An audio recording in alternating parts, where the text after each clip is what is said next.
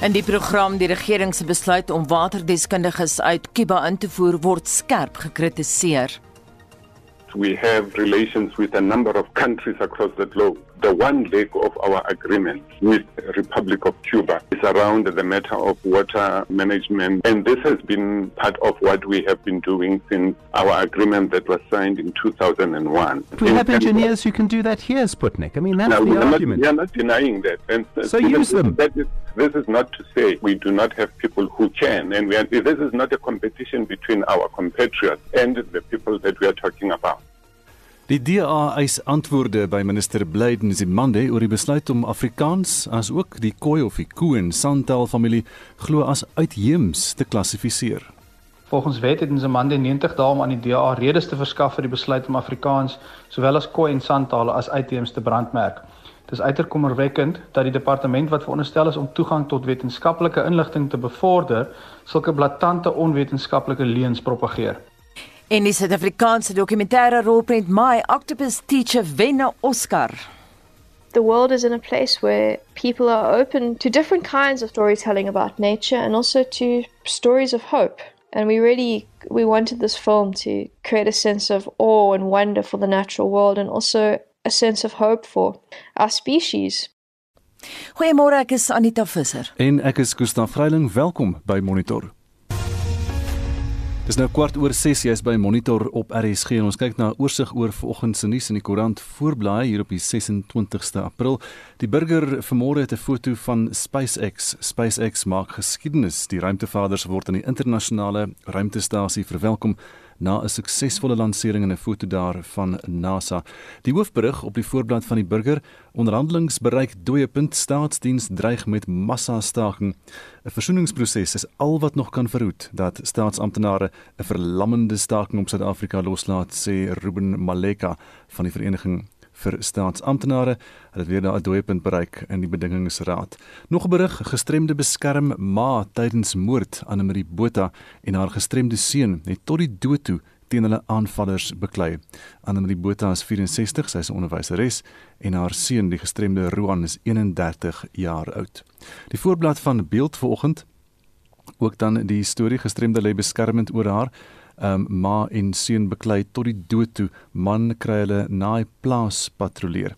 En dis 'n ander storie op die voorblad van beeld verongeluk op slegte pad. Boere werk ure om hom te bevry en dis 'n foto en dan van die krangige golfspeler en instrukteur Albert Kaywood, hy is 26 jaar oud gewees, Saterdagoggend in die Pelenomi Hospitaal in Bloemfontein dood nadat hy die vorige aand in 'n ongeluk op die pad tussen Hoopstad en Botawil beseer is. Die voorblad van Volksblad, die digitale voorblad het ook dan sy foto daar, maar dan die storie uit die munisipaliteit daar 'n geveg om mag, politieke spanning in Mangaung. Twee groepe mobiliseer voor Cyril se besoek en dit is die Vrystaat wat nou voor Vryheidsdag môre hierdie um, faksies tussen die ANC speel nou uit daar in die Vrystaatse ANC die wig in die ANC magsgeveg in die Vrystaat is dieper ingedryf met Ysmagashule. Uh, sover nog die sekretaris-generaal en Sam Mashinini sê die Vrystaatse ANC voorsitter daar uh, wat dan nou aangesê is om hulle aansoek om appel by die konstitusionele hof oor die status van die party se provinsiale komitee daar terug te trek. Die voorblad van ander koerante vanmôre Business Day het 'n storie oor Mango, die lugdiens. Mango se personeel mag dalk nie in Mei hulle salarisse ontvang nie. dailymaverick.co.za berig weer oor Regiments Capital, die Gupta verwante maatskappy wat sukkel uh, met die taksman met Jan Tax en internasionale nuus op bbc.com vanmôre en daar is natuurlik al die stories oor die Oscars ook nuus uit Indië oor COVID-19, die pasiënte wat by die huis moet lê omdat die hospitale in 'n boordens te vol is en hulle sukkel daar met swart mark suurstof en uh, medisyne wat hulle moet gebruik daar. 'n 93-jarige operaster, Christa Ludwig, is dood by haar huis. Sy was bekend gewees by die Weense Staatsopera kom van Berlyn af oorspronklik. Het op 18-jarige ouderdom net na die Tweede Wêreldoorlog begin sing. En dis net so vinnige oorsig oor vanoggend se nuus. Essie, waarop is ons SMS vraag geskoei? Anita ons het later vanoggend 'n storie oor 'n Joodse rabbi by die Universiteit van Kaapstad wat die brand op die kampusterrein trotseer het om 'n afskrif van die Torah uit die Kaplan Sentrum vir Joodse Studies te red. Nou ons het reeds verlede week berig oor die ernstige skade wat onder meer by die Jagger biblioteek aangerig is en die kosbare inhoud wat vernietig is daar. En dit laat die vraag ontstaan Veronderstel al die mense is reeds uit jou huis gered wat aan die brand is. Waarvoor sou jy jou lewe waag as daar 'n brand by jou huis is? Stuur vir ons 'n SMS by 45889. Onthou dit kos R1.50 per SMS. Gesels saam op ons Facebookblad by facebook.com vorentoe skynstreep ZARSG of WhatsApp vir ons stemnota na 0765366961 en ons het ook reeds terugvoer ontvang en Piet de Tooi sê behalwe vir sy seun sal hy ook sy kat en hulle Bybels red en chart herbs laat weet.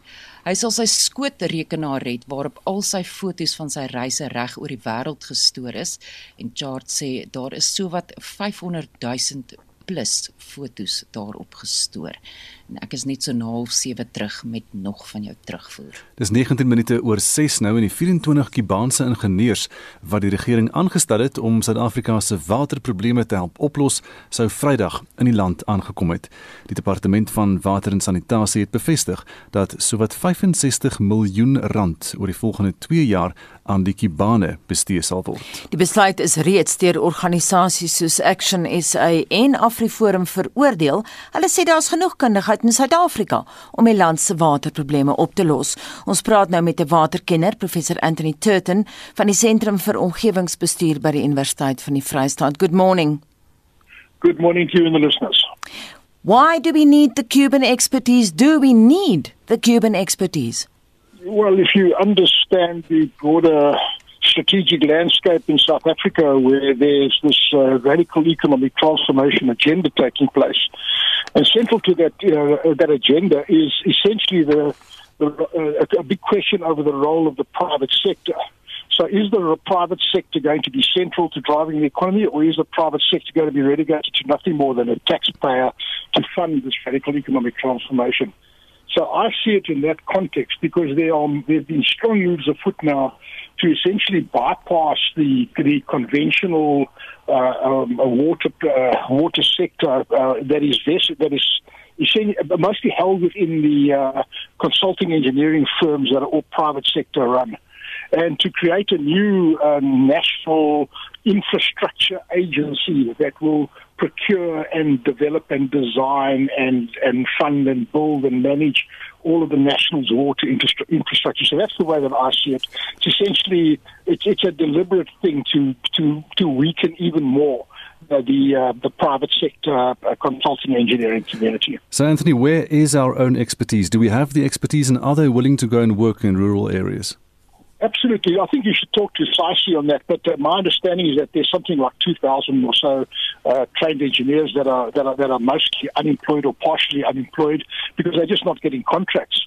And um, you know, I'm a founding member of the South African Business Water Chamber, and although I don't speak on their behalf, I'll just say that we created the chamber uh, with the with the objective of trying to uh, stabilise what is left of our private uh, sector water you know, water value chain.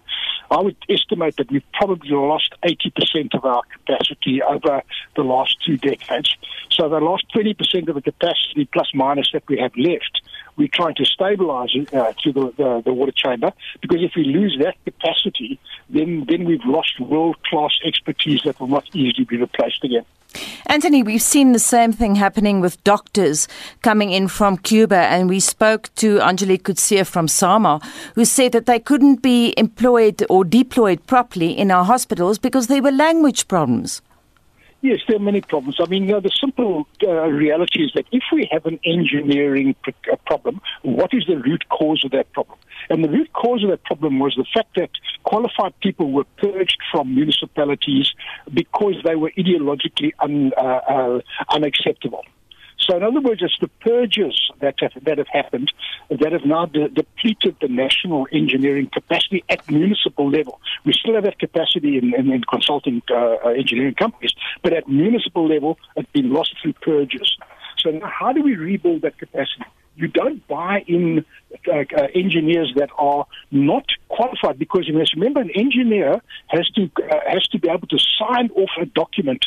Uh, in South Africa, they call CPN, a chartered professional engineer, or in Australia they call CPN, chartered professional. In South Africa they call PRN, uh, professional engineers. In America they call PA, PE, PE uh, professional engineers.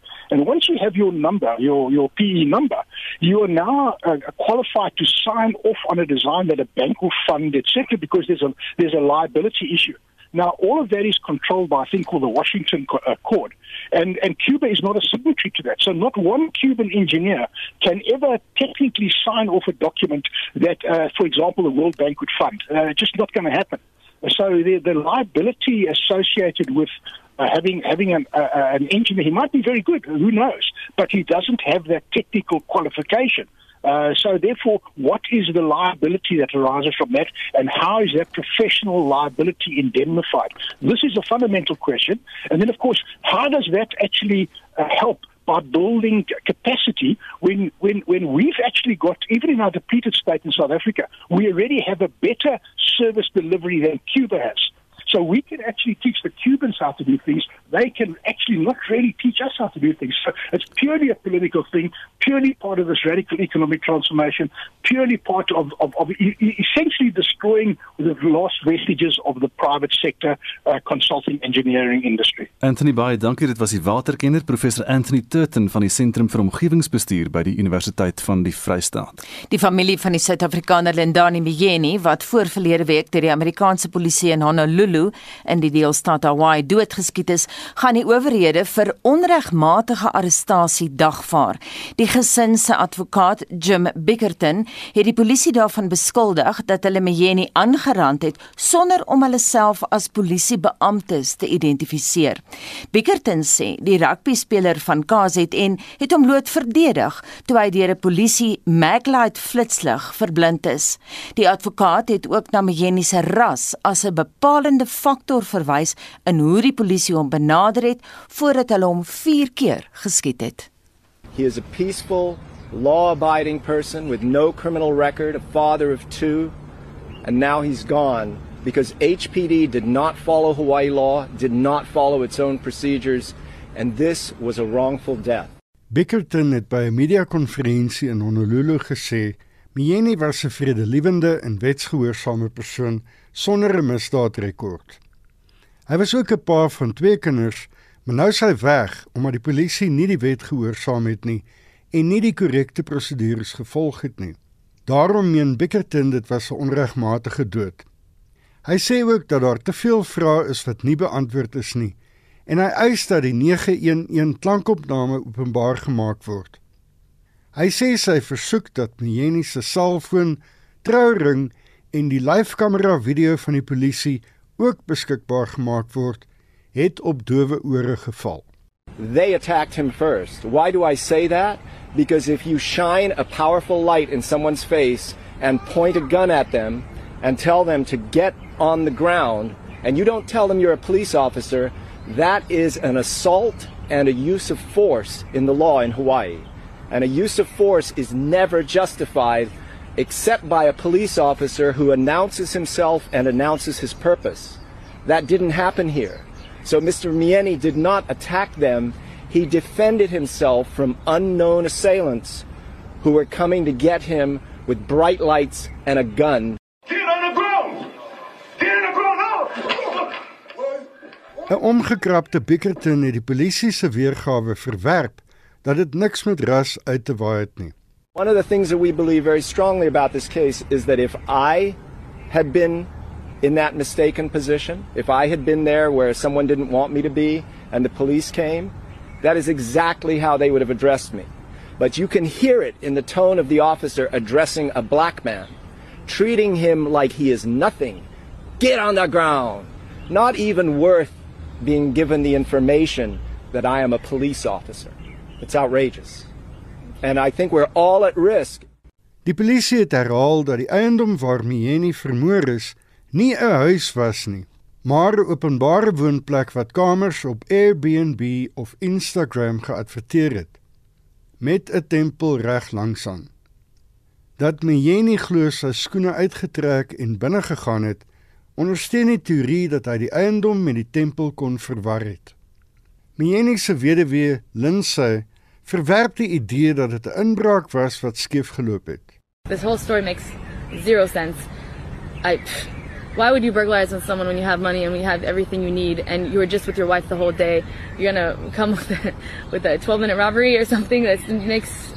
Was, I felt like that was a very childish move by the police department to cover up whatever they're hiding.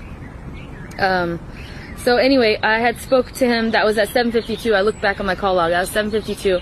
I didn't find out till the next morning, but the police reports that I saw said 8:10. He was already dead with four bullets in him. So tell me how 18 minutes you just leave your husband and you just get off the phone with him and he's so close to your house. You're like five blocks from my house. You couldn't just why whatever reason he stopped by, you couldn't just let him go home. Die Honolulu polisie het vroeër gesê hulle beskou die skietery as geregverdig en dat die drie polisiebeamptes wat beseer is, nou om hulle lewens veg. Maar Jim Bickerton is nie oortuig nie. I saw the chief or the deputy chief say we are proud of these brave men.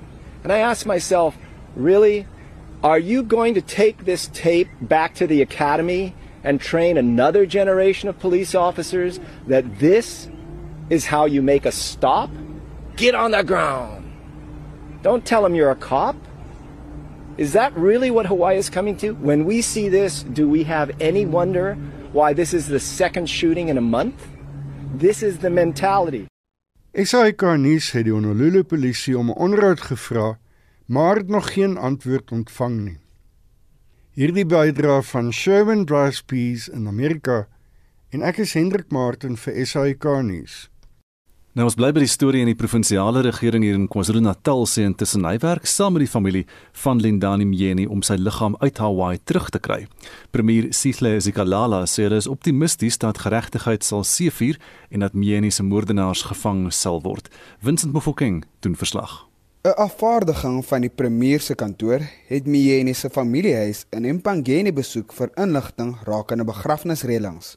Mjeni se ma, Sizano Nhleko, sê die regering het onderneem om haar seun se oorskot na Suid-Afrika te bring sodra die Amerikaanse regeringslykshuis toestemming verskaf.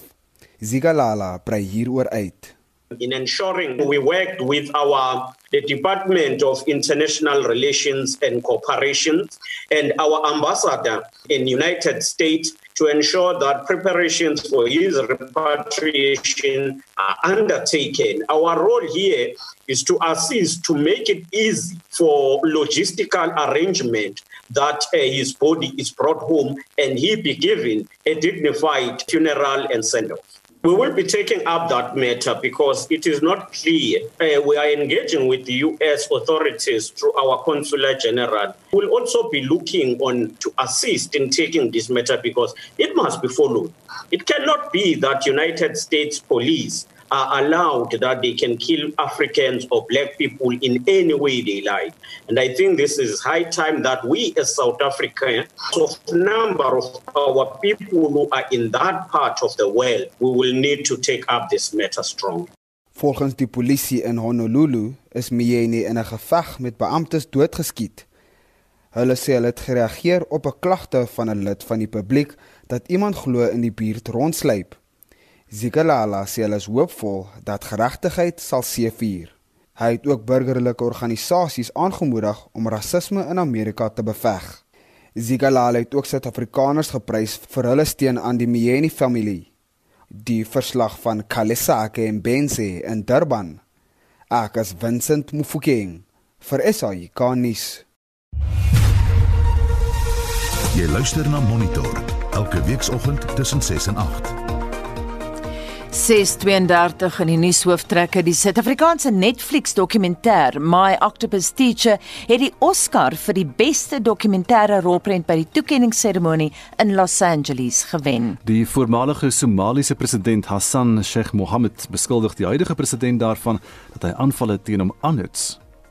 En 'n meningsopname bevind dat net sowat 'n derde van mense dwars oor die wêreld het vertroue in hulle regerings om klimaatsverandering doeltreffend te bestuur.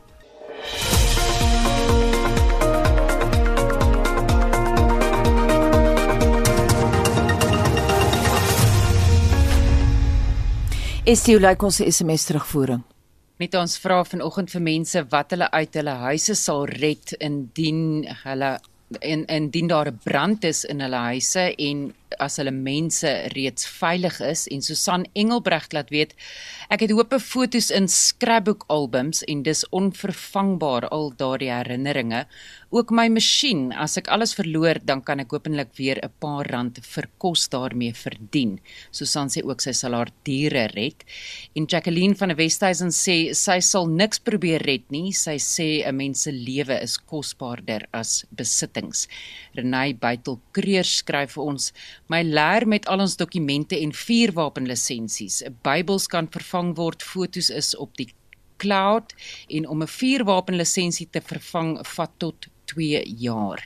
Stefan de Bruin laat weet my gesin en diere, die res kan ek vervang en Heinrich Miller sê my versameling rugbyboeke wat ek vir die laaste 25 jaar bymekaar gemaak het, ek sal dit in 'n tas gooi en laat spaander en Joe van die kerk van Pretoria skryf ek sal my kat red want sy is die rede dat ek nog hier is na COVID-19.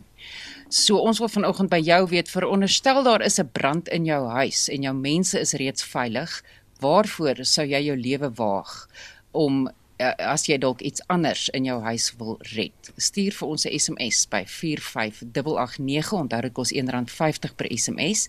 Gesels saam op ons Facebookblad by facebook.com vorentoe skynstreep ZARSG of WhatsApp vir ons stemnota na 076 536 6961. Dis nou 6:40 jy luister na Monitor. Die Sakegroep Sake Liga sal hierdie week uh, by die konstitusionele hof stukke indien oor wat hulle as die mees opspraakwekkende SEB en verkrygingshofsaak beskou. Na uitspraak in Sake Liga se guns in November 2020 word die saak nou ook op aandrang van die ANC sekretaris-generaal Ys Magashule deur die minister van Finansies op appel geneem. En ons praat nou met die uitvoerende hoof van Sake Liga kollega Piet Leroux. Môre Piet. Goeiemôre. Net vir luisteraars wat nie daai storie gevolg het nie, gee vir ons kortliks die agtergrond van die saak. Maar dit het alles begin in 2017 toe die voormalige minister van Finansies Pravin Gordhan regulasies uitgevaardig het wat die verkrygingslandskap in Suid-Afrika nogal verander het. Nou swart ekonomiese bemagtiging BE is lankal in spel in Suid-Afrika, maar toe hy die regulasies in 2017 uitgevaardig het, het dit dinge verander op 'n belangrike wyse. En dit is as volg: Voor 2017 kon jy so tussen 10 en 20% van die punte verloor as jy tender vir kontrakte en jy voldoen nie aan die BE vereistes uh, van die kontrak nie. Maar na daai regulasies het dit algemene praktyk geword vir Eskom, munisipaliteite en baie ander staatsorgane om jou heeltemal uit te sluit as jy nie aan BEE transaksies voldoen nie. Met ander woorde, voorheen is daar ten minste na die meriete gekyk, jy het tussen 10 en 20% van jou punte verloor, maar jy kon nog steeds dit doen en die publiek kon nog steeds die voordeel van die waarde vir geld uh, geniet maar uh, daarna het dit algemene praktyk geword om mense vooraf uit te sluit en sê as jy nie uh, ten minste aan sekere of 51% of selfs 100% in baie gevalle BE uh, swart bemagtiging swart eienaarskap voldoen nie mag jy nie instender nie. En dis deel van uh, die korrupsie omgewing wat geskep is en die verswakking in dienslewering want ons het onmiddellik 'n reuse pool van die mense wat waarde kon toevoeg uitgesluit het ons daardie regulasies hof toe gevat en na verskeie rondes in die hof het ons verlede jaar in die appelhof uh, is in ons guns bevind dat uh, Gordon nie by magte is om hierdie tipe regulasies uit te vaardig nie. Uh, dit is uitsluitlike parlementêre bevoegdheid en selfs al sou die parlement dit besluit is dit ook te bevraagteken of dit enigstens konstitusioneel sou wees. Hoeveel maatskappye dink jy word geraak? O, ag duisende. Letterlik enigiemand wat met die staat besigheid doen. Ehm um, daar sal uh, ons het ehm um, sal binnekort waarskynlik ook aankondig van 'n sekuriteitsmaatskappy wat 'n amicus, uh, dit beteken 'n vriend van die hof in hierdie saak raak, een van die groot sekuriteitsmaatskappye in Suid-Afrika, maar dit is net een voorbeeld. In die appelhof was uh, die Suid-Afrikaanse eiendomsvereniging ook 'n uh, uh, vriend van die hof geword in die saak en saam met ons geargumenteer teen die probleme hiervan. Ehm um, en dis maar net mense wat bereid is om na vore te tree omdat dit swart ekonomiese bemagtiging is, is mense natuurlik blootgestel, huiwerig om om betrokke te wees. Dis jy se rol van sakelige om 'n bietjie die uh, die die druk te hanteer, maar uh, letterlik duisende duisende maatskappye in Suid-Afrika wat direk met die staat besigheid doen en dan praat ons nie eens van die wat indirek besigheid doen met maatskappye wat met die staat besigheid doen nie. So hierdie is 'n uh, effek op die ganse ekonomie. Jy het in julle verklaring gesê en jy het vlugtig daarna verwys, maar ek wil hê jy moet uitbrei. Julle sê daar kan nie 'n korrupsievrye tenoromgewing sonder Gordaanse regulasies wees nie. Ja, kyk jy, jy uh, wat, wat is die die of liewer uh, onder van het, onder onder Gordaanse regulasies. Jammer. Ja, on, ja, onder Gordaanse regulasies. Ah. Kyk, wat is die doel van van ekonomiese aktiwiteit? Die doel van 'n tender. Dit is om waarde vir die eindgebruiker te skep. Dis nooit om waarde vir die maatskappy te skep. Die maatskappy moet sorg vir sy eie waarde, sy eie wins en opbrengs. Die doel van van uh, van dienslewering is altyd om die publiek te dien. En wat gebeur is as jy 'n uh, regulasie omgewing skep waarbinne jy 80% of 50% of 90% van maatskappye kan uitsluit, want dis die realiteit in Suid-Afrika. Bitter hoeveel maatskappye is 100% swart bemagtig uh of besit swart eienaarskap, so as jy 'n klomp maatskappye uitsluit, onmiddellik stoot jy die prys wat teen dienste gelewer kan word op en jy skep kunsmatige vereistes vir ehm um, hoe uh, kontrakte toegedeel moet word. En party en dit skep 'n omgewing waar die insentiewe vir korrupsie net absoluut hoog is. Dis een van die redes hoekom iemand soos Ysmagashule dit glad nie te verbaas en nie uh so uitgevaar het verlede jaar namens die ANC teen hierdie en aangedring het dat die minister van finansies wat nou Tito Mboweni is, die saak op papel moet neem. Mm Wat dink jy gaan daar gebeur? Want die konstitusionele hof het al voorheen ten gunste van swart bemagtiging gestem. Ja, ons is baie selektief in die sake wat ons aanpak en, en ons dink hierdie is 'n baie ehm um, sterk saak. En ons het nou selfs met koste gewen in die appelhof, so dit sê vir jou iets van die die krag wat ten minste die die appelhof van Bloemfontein aan die argumente reg wat ons en ons en die amici in die sake operet. So uh, ek dink hierdie is een van die sake wat die beste kans staan op sukses. Onder andere omdat dit ehm um, uh, die die regsargumente wat ons voer nie net met BE te doen het nie, want dit is so dat is ongelukkig politieke beleid en dit het al afgelope 20 jaar in ons regsomgewing beslag gekry om forme van BE toe te pas. Maar hierdie een gaan so ver en dit het so groot impak op, op die omgewing en ehm um, ek dink in die howe se agterkop alhoewel dit nie in die saak ter sprake kom nie, ehm um, in die openbare mening is hierdie onvermydelike band met die korrupsie en die Ysmagashule tipe omgewing. So ek uh, ons is ons is uh, ons te vermoed dat die hierdie sake 'n goeie kans staan op sukses.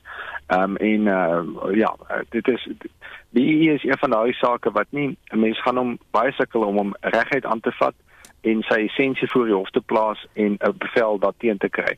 So wat ek dink die die regstrategie wat ons kies om te volg en wat ons dink ons absoluut moet volg want ons kan nie volhou met hierdie uh, jy weet ons kan nie in hierdie BE omgewing uh, aanhou nie is om die skerp kante van BE stuk vir stuk een vir een te vat en dit te begin afsny. En hier is uh, een belangrike stap in die regte rigting. Dis nie die einde van die pad nie. Daar's regtig baie sake wat nog voor lê en ons sal later vanjaar nog aankondigings maak.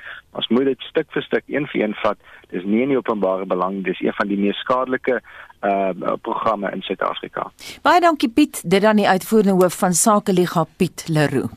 Dis nou so 13 minute voor 7 uur by Monitor op RSG en 'n nuwe wêreldwye opname deur Ipsos is daar bevind dat net so wat derde van die respondente glo hulle lande se regerings het 'n plan om klimaatsverandering te pak. Nou in Suid-Afrika is daardie syfer net 22% en ons praat nou met die direkteur van Ipsos, Marie Harris. Marie, goeiemôre. Goeiemôre Gustaf. So wat is dit wat julle by die respondente toe nou wou uitvind? Wel, in die eerste plek wil ons weet hoeveel weet hulle van hulle regeringsplanne en dit is eintlik nogal ek dink 'n slegte situasie dwars oor die hele land. Selfs die lande wat bindende ooreenkomste geteken het en gewettig het oor ehm um, die eh uh, kweekhuisgasse of oor die uitlaat uitlaatgasse en kweekhuisgasse is baie baie min bewus van die lande se planne, van hulle eie lande se planne in Brittanje 28, Frankryk 24, Hongarye 24, Swede 23. So selfs die lande wat waar dit wetgewing is, is nie eers so ingelig oor regeringsplanne en ook die lande waar wetgewing beoog word soos in Suid-Korea, Spanje, Chili en Kanada is ook nie ingelig oor regeringsplanne nie. En ek dink dit is nogal baie belangrik want 72% van mense sê dat hulle wil ehm um, hulle hulle weet dat hulle moet iets doen ten opsigte van klimaatsverandering, maar as hulle so min weet oor wat die regering se planne is, is dit baie moeilik om saam te werk. Hoe het julle hierdie uh, studie gedoen?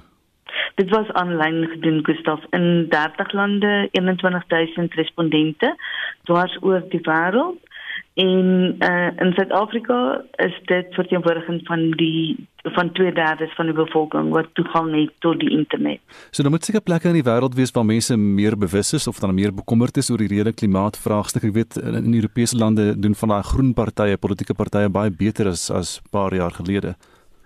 Ja, dis baie waar. Die groen partye doen beter, maar hulle het hulle hulle eie planne. Hulle is nie noodwendig die regering se planne nie, want die lande waar hulle meer bewus is van die regering se planne en en 'n bietjie kennis het daaroor, is soos in Saudi-Arabië, China en India. So in die laagste in die Verenigde State en Japan. So dit is vir my nogal tekenend dat baie groot nywerheidslande ook nie die samewerking van besighede en van ehm um, bevolkingskry in hulle lande nie bloot omdat hulle nie hulle planne deel nie. Is daar 'n bewustheid van die rede klimaatvraagstuk in Suid-Afrika spesifiek? Ja, definitief. Suid-Afrikaners voel nogal sterk daaroor dat daar baie dinge in die klimaatvraagstuk sal wees wat na uh COVID-19 ekskuus, om vervat ek nou Engels en Afrikaans te mekaar, wat na COVID-19 selfs hulle gedrag nog steeds gaan bevorder. Ehm um, hulle uh sê byvoorbeeld hulle gaan konsentreer op meer as helfte, sê hulle gaan konsentreer op om minder minder kos te mors, minder voedsel te mors en uh omtrent uh amper die helfte, 47% sê en die toekoms gaan hulle net koop wat hulle nodig het wat nogal sterk bewustheid is of 'n sterk deel boodskap is van die klimaatsverandering uh, uh onderneming. En dan sê 'n groot hoeveelheid van Suid-Afrikaners na die pandemie wil nog steeds van die huis af werk. Ehm um, ek dink dit is alles dinge wat kan bydra om die uh klimaatsverandering ten minste te ver jy weet bietjie hmm. stadiger te maak en by te dra daartoe maar wat interessant is is dat die meeste mense nie regtig weet en dit kom terug na die regerings wat nie hulle planne deel nie nie regtig weet watter aksies hulle kan doen en moet doen om groot dinge te verander ten opsigte van klimaatsverandering. Dis nou presies die ding want dit is baie interessant wat jy mm. sê mense praat oor hulle eie ruimtes en hulle eie weet soos om om jou uh, wat hulle praat van die die herwinning van van van die rommel en so aan en al daai dinge wat ja. jy nou self kan doen in jou eie huis maar maar Suid-Afrika is een van die grootste lande wat as dit kom by al die steenkoolkragstasies uh, wat koolstof die ruimte instuur en daar kan 'n mens taamlik magteloos voel. Ja, en ek dink dit is presies wat gebeur met Suid-Afrikaners dat hulle magteloos voel daaroor. Hulle sê ook dat ehm um, 65% omtrent 2/3 sê dat as die regerings nie iets doen nie, gaan hulle die toekomstige geslagte val. So mense is nog redelik uitgesproke oor oor klimaatsverandering en kwessies van klimaatsverandering. Maar dan aan die ander kant sê soveel van hulle dat jy, jy praat van die klein dingetjies wat hulle in hulle huis kan doen, soos om 'n verpakking te gebruik en al daai dinge. Maar mense is nie altyd bewus van die groot dinge wat kan gebeur nie. Soos byvoorbeeld die brand van steenkool vir krag, die ehm um, hoe impak uh, dinge wat gebeur soos byvoorbeeld uh, lang vlugte. Ehm um, COVID het eintlik dit 'n baie groot verandering daar teweeggebring, maar na COVID dink ek gaan vlugte net eenvoudig ehm um, ervat. En dan ook die ander kwessie is wat vir my nogal 'n moeilike ding is, baie mense sê uh, vegetariërs het baie minder invloed op klimaatsverandering as die wat nie vegetariërs is nie. Ehm um, mens moet dit hardop sê seker, maar dit is gaan oor die beeste natuurlik en en so aan. Dit gaan oor die beeste en die metaangas. Ja. Definitief so. Maar jy weet ek weet nie. So dit sou baie moeilik wees om my vleis dan dit te trek. is daar enigiets wat jy wys geword het daar wat jou so al verras het? Weet jy die die een groot ding wat vir my interessant was, is dat hierdie dit was nie net in een land of in twee lande nie, dwars oor die wêreld sê mense ons weet te min. En dit is so 'n groot geleentheid vir mense wat in die herwinningsbesigheid is of vir mense wat ehm um, soos die groenes byvoorbeeld in Europa wat in gunste is van baie minder uitlaatgasse. Almal wat belang het daarbey om uh hierdie saak verder te voer want ek dink nie ons kan verwag dat regerings reg oor die wêreld nou skielik gaan sê dis wat ons gaan doen en dis wat ons nie gaan doen nie dit gaan nie baie vinnig gebeur nie regeringskommunikasie is gewoon nou baie stadiger as uh kommunikasie van besighede af. So ek dink daar's baie groot geleentheid om mense bewus te maak van die dinge wat regtig 'n verskil kan maak aan klimaatsverandering en spesifiek omdat die uh, COP26 beraad aan die einde van die jaar in Glasgow gebeur dink ek is daar baie baie bewustheid wat in die wêreld geskep kan word oor kweekhuisgasse oor wat jy kan doen om uh jou klein bydra te maak om om klimaatsverandering om te keer. Marie baie dankie en is baie interessant en interessant ook dat 'n groen party byvoorbeeld dalk in Duitsland in die regering kan wees teen Oktober vir jaar. Dit was Marie Harris dan sy direkteur van die meningsopname firma Ipsos. In Suid-Afrika, die DA wil by die minister van Hoër Onderwys weet hoekom Afrikaans en die Khoi en Santaal familie as uitheemse tale geklassifiseer is. Die DA sê dat die departement se nuwe beleidsraamwerk vir taalgebruik in hoër onderwys net Suid-Bantu tale as inheems in Suid-Afrika erken. Die beleid is in Oktober verlede jaar bekend gemaak. Die DA kiesafdelingshoof op Stellenbosch, Dr Leon Schreiber, het met Mitsi van der Merwe gepraat. Die aansoek wat ons gestuur het is in terme van daardie wet wat in Engels bekend staan as die Promotion of Administrative Justice Act. Dit is nou nie te verwar met die PAIA wetgewing wat gaan oor inligting in die hande kry nie. Hierdie is 'n wet wat voorsiening maak dat enige persoon wat negatief geraak word deur 'n administratiewe besluit, die reg het om redes te ontvang vir waarom daardie besluit geneem is en dan ook sekere uh hulpmiddels tot hul beskikking het om enige administratiewe foute of verkeerde besluite te probeer regstel. So dit is die wet wat ons gebruik het en die minister van hoër onderwys Blyden Zamande het nou 90 dae om aan ons redes te verskaf vir die besluit om Afrikaans en dan nou ook Khoi en San tale as uitheems te definieer in die nuutste beleid wat van toepassing is op hoër onderwysinstellings wanneer hulle hul eie taalbeleid opstel. So dit is waar ons versoek vandaan kom. En julle sê die beleid is slegs Suid-Bantu tale as inheems in Suid-Afrika erken. Julle wil by die minister weet hoekom is Afrikaans en die San tale as uitheems geklassifiseer? Ja, dis reg. Ek meen dis 'n grouwe onwaarheid om te sê dat slegs tale wat aan die Suid-Bantu familie behoort, dit is nou die terminologie wat die departement gebruik, dat slegs daardie tale inheems aan Suid-Afrika is want In die eerste plek sluit dit dan al die Khoi en San tale uit want en ons weet dat daardie tale ouer is, waarskynlik een van die oudste taalfamilies in die wêreld is en dat dit deur die heel eerste mense in Suid-Afrika gepraat is en steeds deur al nasate gebruik word. So dit is totaal onlogies om daardie beperking in te stel. Dieselfde geld dan vir Afrikaans. Afrikaans is 'n taal wat ontwikkel het hier in Suid-Afrika deur diverse mense wat in kontak gekom het met mekaar insluitend van die oudste mense wat in Suid-Afrika woon gewoon het en dit is 'n taal wat tot stand gekom het deur die invloed van slawe uit die ooste, deur inheemse mense, deur handelaars uit die weste en dit is 'n taal wat net hier gepraat word. So 'n basiese reël, 'n taalkundige realiteit is dat elke taal in die wêreld iewers inheems is. So as die minister van mening is dat Khoi en San tale en Afrikaans nie inheems is aan Suid-Afrika nie, dan moet hy asseblief vir ons sê waar hierdie tale anders op aarde inheems is. En ons weet natuurlik, hulle is nêrens anders inheems nie want hulle is eie aan Suid-Afrika.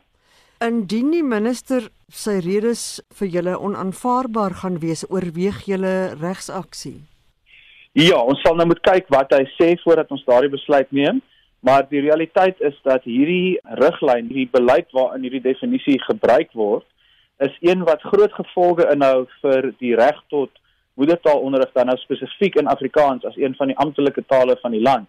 En soos ek sê ons het reeds gesien hoe die Universiteit van Stellenbosch hierdie definisie wat Afrikaans nou uitsluit as 'n inheemse taal gebruik in nuwe hersiene taalbeleid as 'n soort regverdiging vir die verdere wegkawing van Afrikaans aan daardie instelling. So ek dink dis 'n baie gevaarlike situasie wanneer ons in die eerste plek toelaat dat 'n uh, staatsdepartement wat veronderstel is oor die bevordering van toegang tot onderwys en wetenskaplike akkuraatheid sulke absolute onsin publiseer in beleide, maar tweedens is dit ook gevaarlik om oor die praktiese invloed wat dit gaan hê wanneer dit nog meer skiet goed gee aan mense wat reeds 'n anti-Afrikaanse agenda dryf om dan verder weg te doen met die reg van Afrikaanssprekendes tot moedertaalonderrig. So dit is vir ons 'n baie ernstige aangeleentheid en uh, dit is waarom ons nou gaan aanhou druk toepas op minister Nzimande dat hy vir ons redes verskaf en in die proses het ons dit baie duidelik vir hom gemaak dat ons hierdie is nie 'n geldige definisie nie dit is onsin dit is onwaar dit is onlogies